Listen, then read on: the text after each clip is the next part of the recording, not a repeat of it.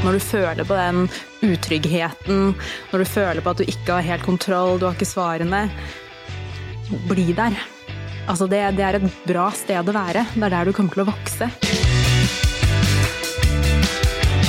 Velkommen til ny episode av I loopen. Podkasten som gir deg inspirasjon og læring for å holde deg i loopen på jobb.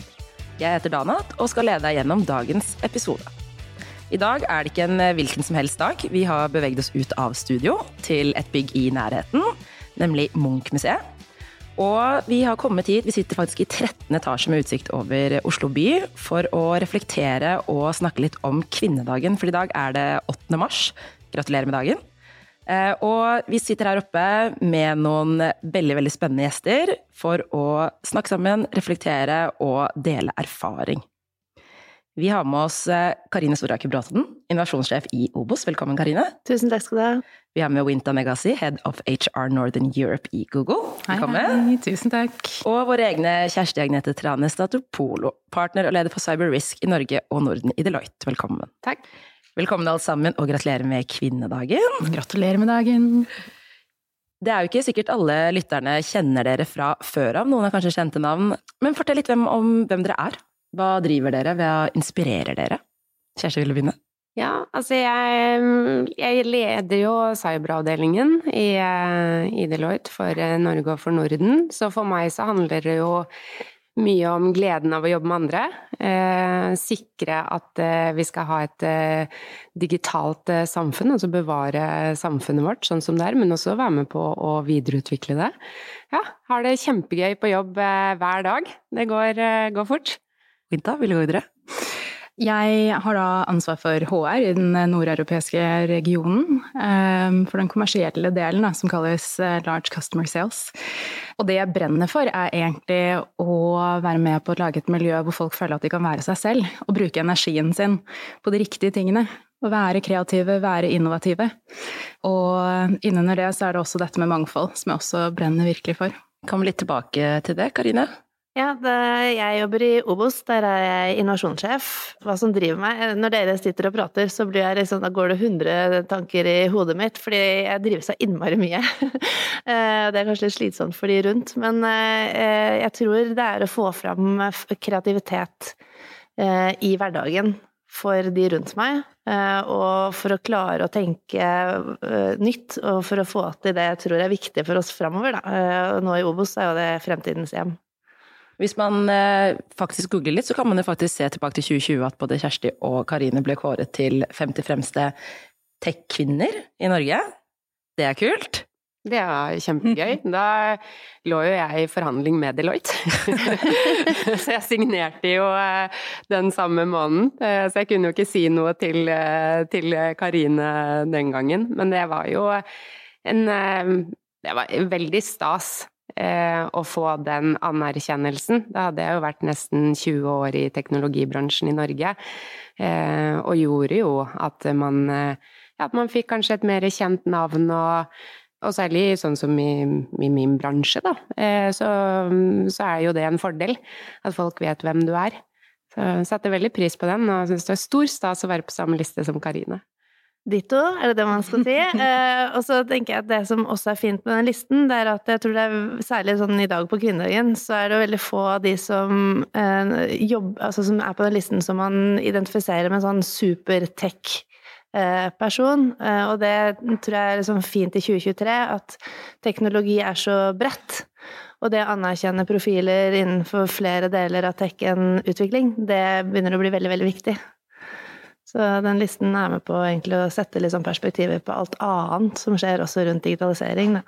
Absolutt, og, og, vi kommer litt tilbake til å høre litt flere refleksjoner rundt det. Hvis man søker på deg, Winta, så i tillegg til å ha jobbet en stund i teknologibransjen, så har du også vært artist, så kommer du opp. Mm. Ja, Vil du si litt om det? Ja, altså det, ja, det begynner å bli noen år siden, da. Yeah. Det var liksom idet jeg ble ferdig med ungdomsskolen, gikk inn på videregående og noen år i ettertid av det. Um, men da ble jeg signert av et selskap, plateselskap som heter The Works.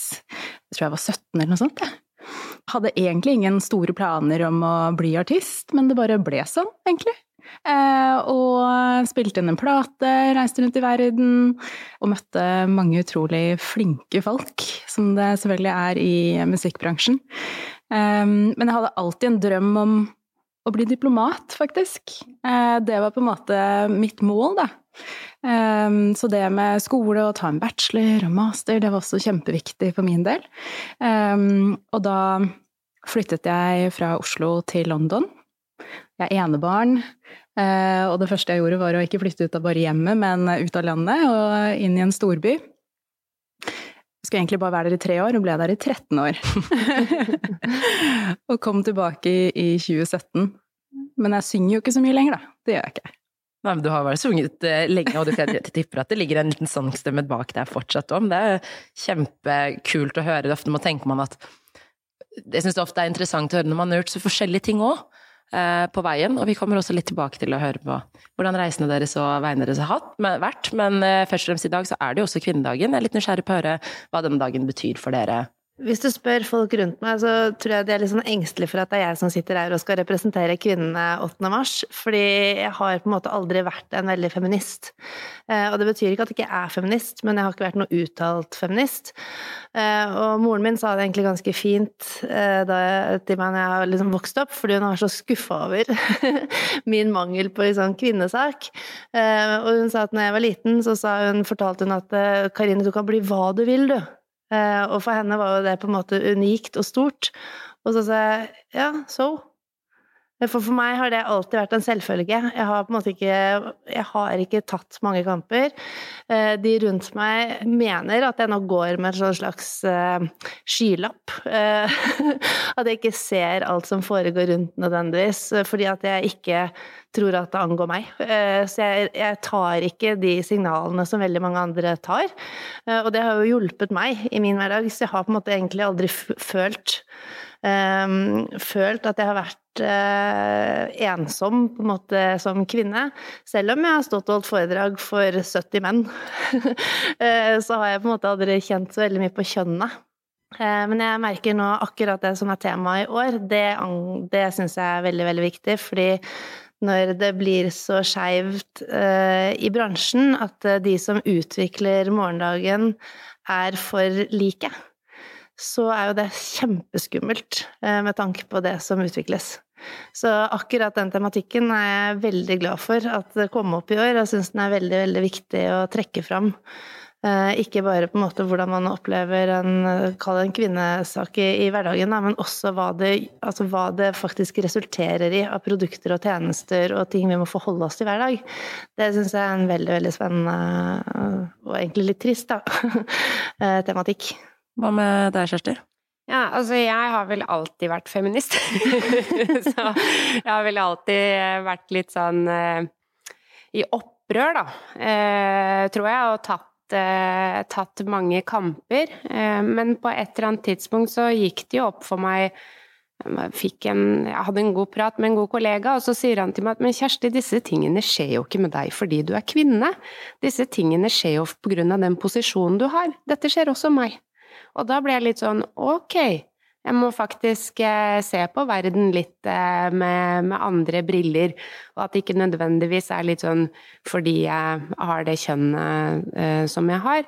Men jeg tror det er kjempeviktig at fremdeles at vi har fokus på det. Jeg tror ikke vi er, vi er jo ikke ferdige. Det er jo, ikke en, det er jo mange miljøer hvor det ikke er normalisert, f.eks. at det kommer en, en, kvinne. Det finnes fremdeles lukkede rom eh, rundt omkring. Ikke nødvendigvis fordi vi er Eh, stengt ute, men ikke, man tenker ikke over at eh, dette bildet burde se annerledes ut enn f.eks. med med Team MPO. Og det reagerer jeg jo på når jeg ser liksom mannspanelene. Eh, jeg gjør det, men jeg reagerer også når jeg ser kvinnepanelene. Så vi ønsker jo ikke å flippe det helt over heller.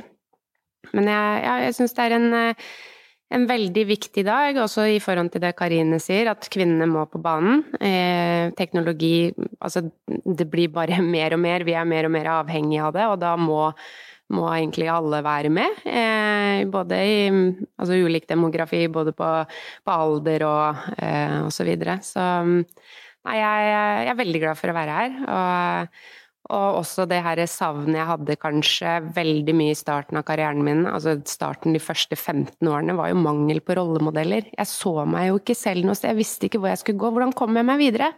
Men hvordan hopper jeg til neste nivå? Jeg er full av ambisjoner, jeg står her gravid og med en kid i barnehagen. Hva gjør jeg nå? Skal jeg ta meg en åtte til fire-jobb, liksom? Er det, er det, det som er greia, eller hva gjør jeg? Så ja, jeg ønsker å hvert fall de eh, kvinnene og mennene rundt meg hjelpe de til neste nivå. Det er jo kanskje en del av mitt driv da, i mitt lederskap. Andre skal opp. De skal skinne. Det er en viktig dag, ja. som, eh, som, dere også har sagt. Da. Um, for min del så er det en dag hvor jeg egentlig reflekterer over de sterke kvinnene som jeg har hatt rundt meg gjennom oppveksten og til den dag i dag. Jeg sier at jeg har tre mødre. Jeg har min mor, og så har jeg to av mine tanter som eh, ja, egentlig har vært min inspirasjon. Da. De kom jo fra Etiopia eh, slutten av 70-tallet, eh, hvor de måtte flykte fra tryggheten av sitt eget hjem. Da. Fordi det ble så, så usikkert eh, under Mengistu-regimet. Og det å komme til Norge på 70-tallet Altså, Oslo så ikke ut som det det gjør i dag. Det var jo ikke like mangfoldig som det det er i dag. Og det å måtte starte helt from scratch, uten noe nettverk, uten noe Og det at de har klart å komme seg til dit de er i dag, det er veldig, veldig sterkt. Og det preger meg mer og mer jo eldre jeg blir. Nå er jeg jo selv mor, og får en bedre forståelse av det de har ofra, og det det faktisk måtte til da, for at de skal komme seg til dit de er i dag. Så jeg er takknemlig. Og eh, samtidig, i forhold til temaet for året, så syns jeg det er kjempespennende, spot on. Vi er jo en del av en utrolig innflytelsesrik bransje, ikke sant? Universell rekkevidde. Og i det så ligger det jo et stort ansvar. Og det ansvaret er jo blant annet det at vi må kunne speile det mangfoldet vi har i samfunnet. Teknologi skal være for alle. Så det er jeg veldig opptatt av. Og så er det jo, selv om teknologi har blitt noe de aller fleste har et forhold til, så er det jo også fortsatt et område hvor det er fortsatt stor grad av underrepresentasjon. Da. Dere var litt inne på det. Mange av de som f.eks. utvikler, representerer jo ikke det samfunnet de kanskje utvikler for, eller med de hensynene til. Eh, og det er en vei å gå, da. Hvilke refleksjoner gjør dere på det arbeidet rundt inkludering og mangfold i bransjen, og kanskje det også operere i en bransje, eller å jobbe i en bransje hvor det er skjevheter, da? Det er mange. Men jeg eh, Og så er det det er litt tosidig. Det ene opplevelsen jeg har, er at det har ikke skjedd så veldig mye eh, på de 25 årene jeg har eh, kommet i, men på den annen side så har det jo skjedd masse. Eh, så mm, jeg ser jo flere det var, det var, jo andre kvinner også som studerte computer science når jeg gjorde det, så jeg var jo ikke aleine, men vi var, vi var, fire av 100. Det er mange flere kvinner i dag som studerer teknologi, så det er superbra. Eh, og så er det eh, i forhånd Altså poenget her som ble sagt før òg, at teknologi er så veldig mye mer enn utvikling. Der også tror jeg det er en veldig mm. god um, en god um, fordeling. Eh, men vi har fremdeles en vei å gå i at arbeidslivet er fremdeles strukturert sånn som det var for 20-30 år siden. Og der tror jeg vi har en del å gå på i forhold til altså har jo pandemien hjulpet, da. Jeg leste noen rapporter her på at ja, men pandemien og den hadde sendt kvinnene tilbake igjen eh, hjem. Eh, min opplevelse er helt motsatt, for plutselig så hadde menn, mannfolk også unger. Det var ikke bare jeg eh, lenger. Altså man fikk en Også i forhold til når jeg ser på intervjuer og når vi gjør det, og vi har gjort det over Teams og sånn, alle stiller mye mer likt. Eh, så jeg tror det også har vært med på å utjevne en del sånne eh, forskjeller da, som man har hatt, eh, hatt tidligere. Men vi er jo ikke vi er jo langt fra i mål. Jeg vil jo ikke si at vi er det, men samtidig så syns jeg det skjer veldig mye positivt. Jeg opplever aldri at det er en overraskelse Å, er det en kvinne i rommet for å snakke om cyber eller teknologi, liksom? Den har jeg ikke møtt på 20 år. Så det er jo, det er jo mer normalisert. Eh, jeg opplever jo ikke at Men det er lett å si det når du sitter som partner. Mm. Det kan nok oppleves veldig annerledes for en eh, nyutdanna på 25, så jeg må passe meg, jeg snakker ikke for alle, jeg snakker for meg selv. Hva med dere andre? Eh, det er jo litt sånn, sånn todelt, dette spørsmålet ditt. For det ene er på en måte hva du opplever i hverdagen din, og hvordan du håndterer det rundt deg der og da. Um, og, så, og det der tror jeg det er eh, altså Som du sier, vi er jo ikke i mål, og, og tech er jo på en måte en bransje hvor det fremdeles er overvekt av ett kjønn. Um, men jeg, det, er også noen sånne fine prinsipper i, i, kreativ bransje som gjør at eh, man, i hvert fall i de miljøene jeg enten har ledet eh, eller har jobbet i, så har det ikke vært et fokus på, på, på at man har hatt underrepresentasjon. Det har heller vært om å gjøre å få mest mulig mangfold. For, for, det er sånn man på en måte skaper kreativitet. Så i den bransjen så har det ligget som en sånn grunnelement fra dag én, egentlig, og har skapt veldig gode arbeidsmiljøer. Så jeg har veldig sånn tro på disse nye eh, byråene og konsulentselskapene og husene som oppstår, og miljøene internt i større organisasjoner hvor det er store digitalavdelinger. At de har vokst opp på en litt annen måte, da. Eh, de har begynt med litt sånn andre typer prinsipper som jeg tror skaper utrolig fine hverdager for veldig mange mennesker. Eh, så der har jeg litt sånn, eh, hva skal vi si, en naiv tro på at dette skal ordne seg litt. Eh, den andre siden av det syns jeg er mer skummel, for de tror jeg ikke vi har sett effektene ennå. Hva, hva, mener du med andre sider, da? Nei, altså, vi har jo laget digitale produkter nå i ja, si 20 år, da, som er Når du på en måte i hvert fall har fått en sånn ordentlig peak, da, og det er jo bare begynnelsen på en litt sånn det man kaller en eksponentiell bølge, da. Eh, så jeg tenker at alle de produktene og tjenestene vi ser rundt oss i dag, det er ganske mange, eh, som vi bruker hver eneste dag, de er utviklet privært av menn, testa av menn. Og ikke mangfoldige menn heller, enn ganske unge menn. eh, så så akkurat den delen av det syns jeg kanskje er litt mer eh, Der vet jeg i hvert fall ikke helt hva konsekvensene er. Eh, nå bruker jo mine gutter eh, Google Home hele tiden, og de får jo de svarene de, de vil ut av, av, en sånn stemmestyrt Hva skal vi si Husets hjelper nummer tre etter meg og mannen min. Så den svarer jo i grunn på alle spørsmål. I dag spurte vi sønnen min om han hadde husket alt, og da sa han ja, det skal bli minus tre og seks grader i dag. Da har han stilt liksom Google Home-spørsmål om hva han skal ha på seg på tur, han er syv år. Eh, så jeg, jeg, tror på en måte at teknologi, når det er så nært oss, da, så er det viktig at det også er tilpassa flere. Eh, så den, ja, den delen av det syns jeg er i hvert fall uviss. Mm. Du har jo jobbet lenge i både teknologibransjen og med mangfold og inkludering og med mennesker, da. Og hvilke mm. refleksjoner gjør du deg på dette her? Nei, altså, jeg syns det Altså, vi har jo definitivt ikke kommet til mål, og det er jo grunnen til at det er det temaet det er i, i år også. Um, og så er det jo samtidig et ganske stort søkelys på det, da, at eh, når et produkt, eller når man utvikler noe, faktisk ender opp, med å være ekskluderende enn inkluderende, så belyses jo det, og det er bra. Um, samtidig, fra, fra, et organisatorisk perspektiv, så er det jo er det jo noen organisasjoner der ute som, eh, hvor toppledelsen kanskje ikke helt har forstått hvor viktig og nødvendig det er, da, sånn at det på en måte bare blir en, en, sak man belyser når det er kvinnedagen. Eh, eller når det er en spesiell dag, i stedet for at man faktisk inkluderer det i måten man gjør business. Um, og det er noe som er ganske viktig for meg. At, men det starter jo med toppledelsen, at de har en forståelse uh, for at det er nødvendig. Og så har jeg trua på at uh, man, altså hvem man er, kommer også til å påvirke det man gjør. Um, og i grunn og bunn der så er det jo viktig at man har det mangfoldet. Um, og så snakker man jo, det er jo kvinnedagen i dag, og da er det jo viktig å belyse at innafor det området man kaller kjønn, så er det også mange ulikheter. At man også får med, får med seg det, da. Det med intersectionality, som er så utrolig viktig. Og så syns jeg at um, bare det området rundt um, ubevisste fordommer også, spesielt innenfor teknologi, er kjempespennende. Kan du eh, gjøre et eksempel ut av hva, hva, det kan være? Ja, altså hvis man ser på um, produktutvikling for eksempel, som et eksempel, så um, da vi um, lanserte YouTube, det begynner å bli noen, noen få år siden Så da det ble lansert, så fant vi ut at eh, det var mellom 5 og 10% av videoene som ble lastet opp, de ble lastet opp opp ned.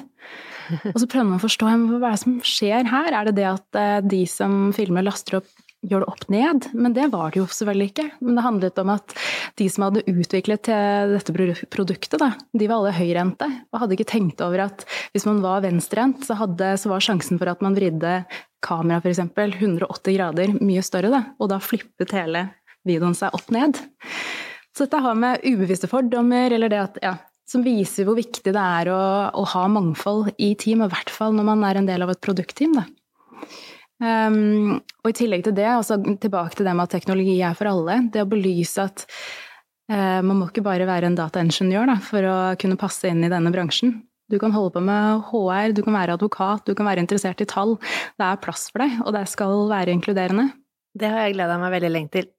Fordi når man har jobbet i tech i mange år, så har tech vært sånn eh, Du kalte det lukkede rom, eller Altså man har klart å skape på en måte veldig sånn hierarkier basert på at eh, noen kan noe som noen andre ikke kan. Eh, og nå som på en måte teknologi er mer demokratisert, flere kan prate om det, man kan eh, enkelt bestille noe, eh, man kan ønske seg noe, og man kan beskrive hva det er, og så eh, på en annen måte enn man kunne tidligere, da. For da, visste, da var det så langt mellom den som hadde ønske, og den som skulle utvikle. Eh, så jo tettere det forholdet er, jo, jo mer spennende blir, tror jeg, blir eh, arbeidshverdagen. Vi kommer til å se mye raskere vekst også. Eh, men også for å ta bort liksom litt sånn unødvendige maktposisjoner. Så tror jeg det har hatt en kjempeeffekt at flere kan prate om teknologi, selv om man ikke nødvendigvis kan kode. Jeg er litt nysgjerrig på å gå litt tilbake i tid og høre litt sånn Dere har jo Du har snakket om at du har holdt på i 20 år, i bransjen 25 år.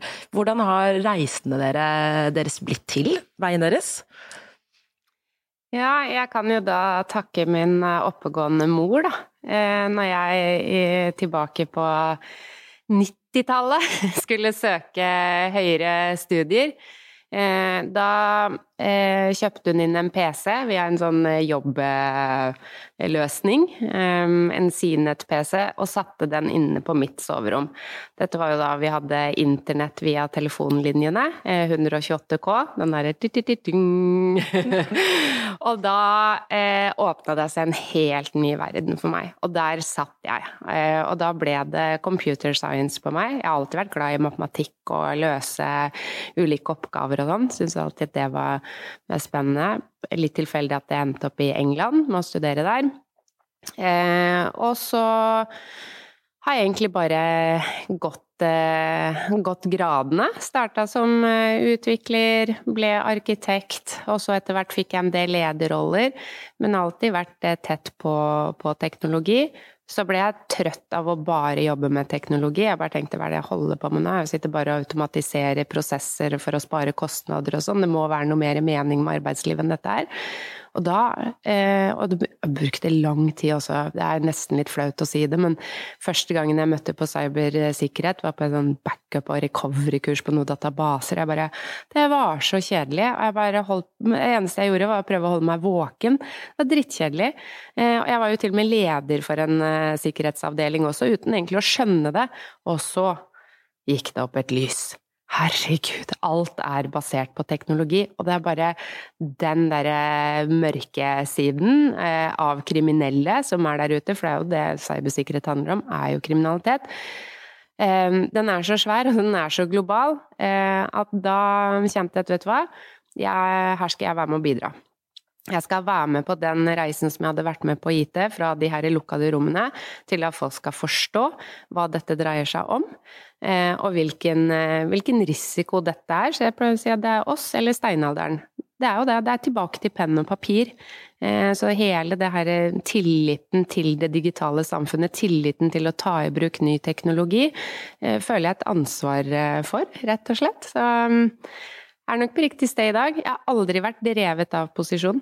Eh, jeg har alltid vært eh, drevet av ok, nå kan jeg dette, hva er liksom bring on the next, eh, egentlig. Og så nå nå det jo, handler det jo veldig mye om for meg å bygge et bra team som er ja, godt Jeg har to formål. En er jo å redde den digitale verden, og den andre delen er jo å bygge et et arbeidssted hvor jeg har lyst til å gå på, på, jobb, hvor folk skal kunne være seg selv, eh, og hvor vi setter pris på det unike i hver enkelt. Det skal ikke være en sånn liten Jeg føler at boksen vår er blitt mindre og mindre, da, så jeg driver og slår den boksen opp, da. Eh, prøver å være en god rollemodell i det selv òg. Rått. Vinta? Jeg hadde jo egentlig ikke planer om å ende opp i tech-bransjen, jeg, ja, da. Så det var egentlig ikke min plan fra starten av. Nå har du jo røpt den ene hemmeligheten, at jeg starta med musikk, blant annet. Og så sa jeg også tidligere at eh, min drøm var jo å bli diplomat og jobbe for FN. Og jeg fikk eh, en, en internship da jeg studerte i London, eh, nettopp i FNs hovedkontor, da, under generalforsamlingen. Og tenkte, husker du den der flyreisen til, til New York, hvor jeg bare tenkte yes! I've made it. Liksom top of the world. Og så kom jeg dit, og skjønte at etter noen dager at dette her er ikke for meg. Um, Hva var det som gjorde at du skjønte det? Det er vel noe som jeg har tatt med meg videre i livet, men jeg forsto at uh, her kommer ikke jeg, i hvert fall ikke på det tidspunktet, så kommer ikke jeg til å klare å bidra med store endringer, positive endringer. Impact er noe som er viktig for meg. at Når jeg først skal bruke tida mi på noe, så vil jeg kunne se at det bidrar til noe direkte. Eh, kanskje litt raskere. Eh, og på det tidspunktet så følte jeg ikke at det var det riktige stedet for meg. Eh, men da var det jo en samtale da, med foreldre om at ja, de planene om å ta den bacheloren og, og, ha den karrieren, det er kanskje ikke helt riktig for meg. Um, og da er det Det er jo alltid sånn når man jobber innenfor HR. Jeg tror ikke jeg kjenner noen som jobber med HR som sier at ja, men det er det jeg alltid hadde drømt om. Det er noe som bare skjer litt sånn tilfeldigvis. Eh, og jeg endte opp i en sånn eh, startup i London hvor eh, man da får muligheten til å jobbe med alle sider av en, av en bedrift, og skjønte at ah, HR, ja. Ja, men det er jo litt sånn international relations, men innafor en bedrift. Du er liksom tett på strategien, du jobber tett med mennesker, og følte at ja, her er det noe for meg. Og da bestemte jeg meg for å ta en master i International Human Resource Management. For jeg har jo reist i alle år og snakker ulike språk, og tenkte at der ligger det noe. Og så begynte den karrieren derfra, egentlig. Så jeg har jobbet for eh, mange internasjonale selskaper, både i London og her. Um, mye innafor ehm, eh, det kreative og streaming og broadcasting. Eh, og nå er jeg liksom sånn skikkelig inne i big tech. Det er spennende. Og meg, da? Uh, nei, uh, jeg har vært veldig heldig fordi at jeg var, uh, jeg var altså jeg hadde en tilgjengelig datamaskin fra jeg var veldig liten, fordi faren min jobba innenfor informatikk. Så jeg har på en måte Jeg tror, selv om jeg har vokst opp med DOS, da, så jeg har vokst opp litt sånn på samme måte som noen av barna vokser opp i dag. Så jeg hadde jo hadde ikke så rike spill og gøyale ting på den PC-en, men PC-en på en måte var en del av oppveksten min. Eh, men da jeg ble, liksom skulle ta eh, studievalg, så så jeg vel egentlig aldri noen sammenheng mellom de to. At jeg har vokst opp med PC, og det var jo noe jeg skulle kunne bli, på en måte. Det var, ikke, det var liksom ikke der jeg var. Så jeg begynte jo på BI, eh, sånn som alle som ikke vet hva de skal bli når de blir store, gjør. Da. Så da hadde jeg fem år på å finne ut av hva jeg hadde lyst til å gjøre innenfor Sivøken. Eh, det fant jeg ikke. Det tok veldig lang tid. Så når masterstudiene kom, så var det ingen av de jeg hadde lyst til å ta. Men da hadde jeg funnet noen fag som jeg syntes var veldig spennende, som var disruptiv strategi, og det var noe IT- og teknologifag, da. Så da fikk jeg BI til å sette sammen en master eh, for meg i de fagene. Så i 2006 så er jeg garantert den som har lest mest om Clayton Christensen. Eh, så da kunne jeg alt. Det var jo bare han som hadde skrevet om det på den tiden. Hvordan fikk du det til? Det er sånn livslæring hos meg. For jeg har jo eh, De som kjenner meg, mener at jeg har liksom ikke noe Det er ganske grenseløs. Eh, det var noe jeg hadde lyst til, og så gikk jeg og spurte, og så fikk jeg ja. Og sånn funker egentlig verden stort sett. Eh, du kan tenke seg at du må spørre ganske mange ganger, men du får som oftest ja til slutt, hvis det er noe man virkelig vil, da. Så det var egentlig bare å spørre. Så da, da fikk jeg det. Og så begynte jeg å jobbe med en I den, I den, oppgaven jeg skrev da innenfor masteren, så skrev jeg om en type Spotify. eh, som skulle være det disruptive svaret for fast search, som jo den gangen ikke var akkurat veldig mange da heller, så de hadde jo lyst til å disrupte seg selv før de var kjent omtrent. Eh, så det var jo min masteroppgave. eh, og så begynte jeg å jobbe i det selskapet, så vi utviklet noe som het Esmo, som lå hele veien foran Spotify.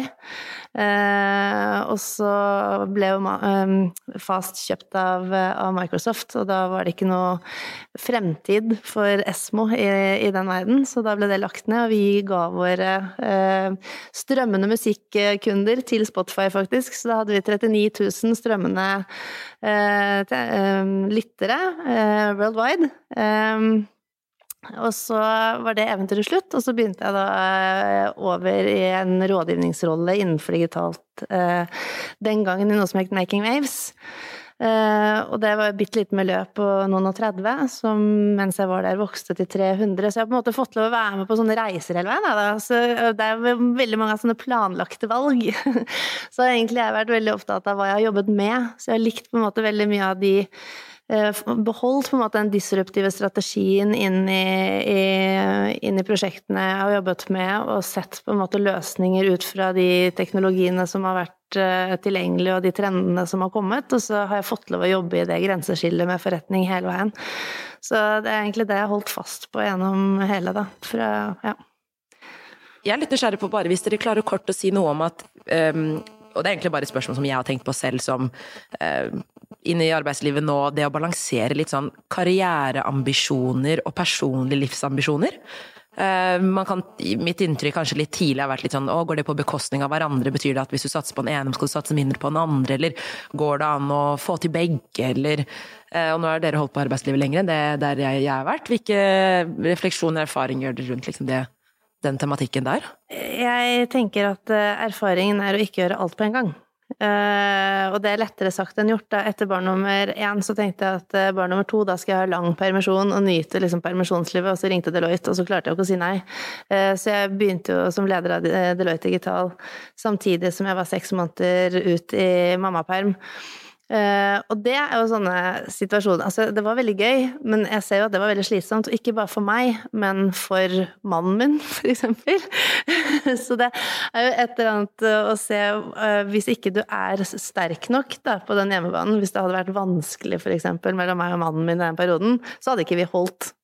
ikke sant? Så det er jo et eller annet å se de to tingene, at man klarer å ikke strekke alle strikkene, men kanskje se hvordan du klarer å være litt mer dynamisk på når du gønner på 100% ett sted, og når du er nødt til å være det andre stedet, eller ja, sånn at du har en balanse, da. Og den, den balansen, det er vel i hvert fall tre podkastepisoder og sikkert et halvt liv før man finner noe svar på, for jeg, jeg, vet hva, jeg, vet jo hva, man burde. Jeg har aldri klart å gjøre det jeg skal, burde, uh, men eh, det er et eller annet å, å stå i det, og i hvert fall se hva man påfører de rundt seg, da. Så som også har, eh, har, en, har en kost som man må være beredt på. Det er ikke bare deg, når du er en del av familien i hvert fall. Det er ikke bare deg du tar det valget på vegne av, du tar det faktisk på vegne av eh, familien din også, da. Med dere andre? Jeg, jo, jeg, jeg, er ikke noe glad i de her eh, svarene du får fra topplederen, hvor mye har du jobba og sånne ting, med å kjøre 60 og 70 timer i uka og alle disse tingene, da. Jeg tror det handler om eh, fleksibilitet. Og så, det, eh, og så handler det om å kunne skjønne når nå må jeg kjøre på. Eh, nå går det 24-7. Og så handler det om å faktisk da ta seg fri på fredag klokka ett, eller ta fri den torsdagen og gå til frisøren mm. og klippe deg. Du må skjønne det. Eh, og da når jeg var i permisjon, eller kom tilbake per, fra permisjon med første barnet, så gikk jeg i gang med en sånn derre ordentlig råkjør av en strategi. Eh, og for å overleve så måtte jeg gå og sove på dagtid når uh, ungen var i barnehage. Så jeg hadde ikke overlevd, så jeg skrudde av telefonen og alt sånne ting, satte på alarmen og sov i to timer fra ti til tolv. Og da var det sånn, ja, hvor har du vært? Jeg bare Jeg sa jo, fortalte jo aldri noen at jeg hadde sovet, men jeg måtte det. Eh, for jeg hadde våkenetter, og det var liksom Så det, det finnes noen sånne overlevelsesteknikker i akkurat det, men det er en liten periode av livet ditt. Eh, og så er det noe Hva er det som Du må jo være enig med deg selv og familien. Hva driver deg? Eh, jeg hadde ikke vært eh, Jeg er ikke lykkelig når jeg ikke får jobbe. Eh, jeg er ikke lykkelig når jeg ikke får eh, utfordra meg. Jeg passer ikke til å gjøre rutineting. Det blir, eh, blir deppa, rett og slett. Så jeg kunne ikke ha bodd med noen som ikke ønska det for meg, da, og vært så sjenerøs. Klarer du å si ja, hva, hva, vil du egentlig? Eh, jeg tror jo at man, man må jo være litt eh, Det handler jo ikke om antall timer du jobber. Det handler om hva bruker du de timene du jobber på. Altså, hva gjør du da? Hvilke resultater har du? Hvordan viser du frem disse resultatene? Hva bruker du det til for dine neste utfordringer? Så det er jo et kanskje et litt sånn det skiftet som jeg nevnte tidligere om arbeidslivet, da. Arbeidslivet er det samme, vi har endra oss, nå har vi kvinner i arbeidslivet. Og en av de tingene er jo å se på hvordan måler vi verdi. Sitter vi fremdeles og måler verdi av, en, av arbeidet ditt i antall timer? Det er jo helt feil. Det sier jo ingenting. Du kan jo sitte på kontoret døgnet rundt og ikke gjøre, altså bidra med egentlig noe fornuftig. Jeg tror kanskje det er litt sånne ting da vi må diskutere på veien videre. Og det her er ikke dette er ikke noe som jeg opplever er en sånn kvinnesak. Dette er også for, eh, for eh, menn. Eh, og kanskje også at det er et generasjon, ganske stort generasjonsskifte på gang, da. For det er en ganske stor forskjell på ja, nå skal jeg ikke si årstall, men pass meg litt, da. Jeg er vel midt i det generasjonsskiftet. Jeg får få med meg liksom slutten på den ene og starten på den andre. Jeg tror absolutt det, at det er et skifte, og jeg tror også at det handler mye om det kanskje det å bare stille seg disse spørsmålene også underveis, det å liksom stoppe opp litt, det er veldig enkelt å havne i liksom det hamsterhjulet og bare ting går, men det å Jeg slår meg i hvert fall liksom, i det siste tiden har stoppet liksom Ok, men er det dette jeg skal? Er det dette jeg vil? Er det, skal man bruke hele livet på dette? Er det andre ting man ønsker å oppleve som man også kanskje skal ta seg tid til? Og hvordan balanserer man de, de type ønskene og ambisjonene og, og um, Ja, og det å tenke litt mer rundt det, da. Og det er jo ting man finner ut av i løpet av karrieren. Da. Du snakket om at det, eh, det, er ikke sånn at det er en sånn fin balanse, det man kaller work-life balance. Ikke? Det er sånn glansbilde som er der ute, at du skal ha 50-50 og det skal være en balanse. Det er jo ikke en balanse, ikke sant? Jeg tror for min del i hvert fall, så har jeg liksom funnet en, funnet en trygghet i at den balansen, den kommer ikke jeg til å finne med det, med det samme. Og det er helt greit. Noen ganger så vet jeg at det kommer til å stå på som bare det på jobbfronten. Og når det går ned, så vil det også være en periode hvor jeg vet at jeg må fokusere mer på, uh, på familie osv. Men den balansen på at det hele tiden skal være 50-50, den har i hvert fall ikke jeg funnet ennå. Men samtidig så har jeg også tatt veldig bevisste valg eh, når jeg har bestemt meg for å takke ja til en ny mulighet da, og en ny jobb. Um, hvor jeg selvfølgelig ser på rollen, men hva med organisasjonen? Altså, mm appellerer verdiene av den organisasjonen med de verdiene jeg personlig mm. holder, um, føler jeg at det er, en, det er et, en organisasjon jeg kan representere. Mm. Um, hvordan er kulturen? Um, forhold til mangfold, hva er synet deres der? Altså, det er mange sånne store spørsmål som jeg stiller meg selv og trenger svar på da, før jeg takker ja. Så det er også ganske viktig ja. for min del. Og så er det jo noe med Det er ikke alt du skal måtte tåle. Jeg har flere ganger slutta i jobber fordi at eh, denne kulturen eller det har skjedd ting Men det passer ikke meg, men da er det jeg som må ta konsekvensen av det. Ikke forvente at liksom alle andre rundt seg skal tilpasse seg min, meg og mine mine ønsker, men jeg spurte når jeg var i prosess eh, med Deloitte, så spurte i forhold til FEA, og så lurte litt på kultur. Jeg hadde to ganske Da var jo barna mine bare fire og seks år gamle. Og så gå inn i en partnerrolle, og så tenkte jeg litt sånn Jeg hadde kanskje sikkert litt bias mot det å være partner i disse selskapene, om hvordan de jobber og hvordan de er. Så spurte jeg kan jeg kan jeg gå klokka fem for å ta med ungene mine på fritidsaktiviteter? Er det greit her? Kan jeg si det? Ja, ja, selvfølgelig, det er jo ikke noe problem. Og så kommer jeg jo inn, og så Det er jo ikke noe problem. Sånn, så man skaper seg også noen sånne forestillinger, da, om, eh, om enkelte roller eller hvordan ting er. Så ja, jeg tror det er viktig å tørre å stille kanskje de spørsmålene som man lurer litt på da, når man står i de prosessene, og ikke trekke seg. Men da får du heller spørre.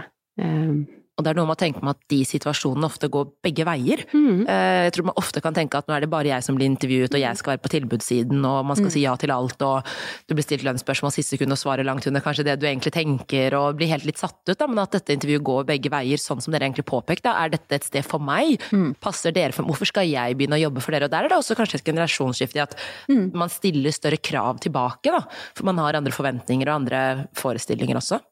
Så, så, det tror jeg er liksom interessant om noe begge parter, eller begge sitter av bordet, må være forberedt på, da.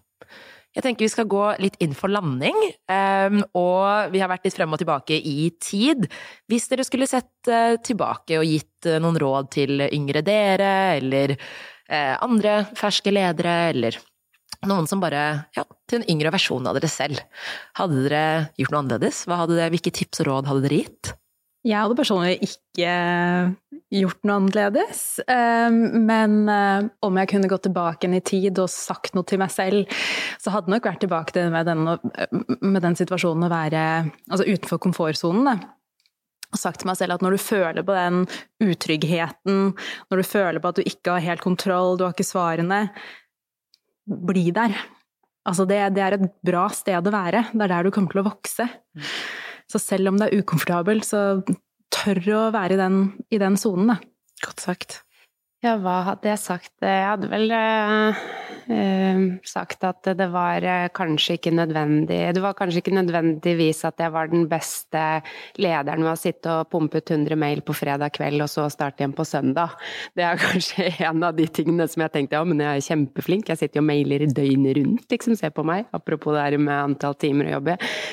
Eh, så jeg ville jo ha eh, nok ha prøvd å jeg vet ikke, være litt mer empatisk eller nysgjerrig på, på, hvordan eh, andre folks liv og hva andres behov er, enn at jeg skulle liksom stå i sentrum og se på meg og se hvor flink jeg er.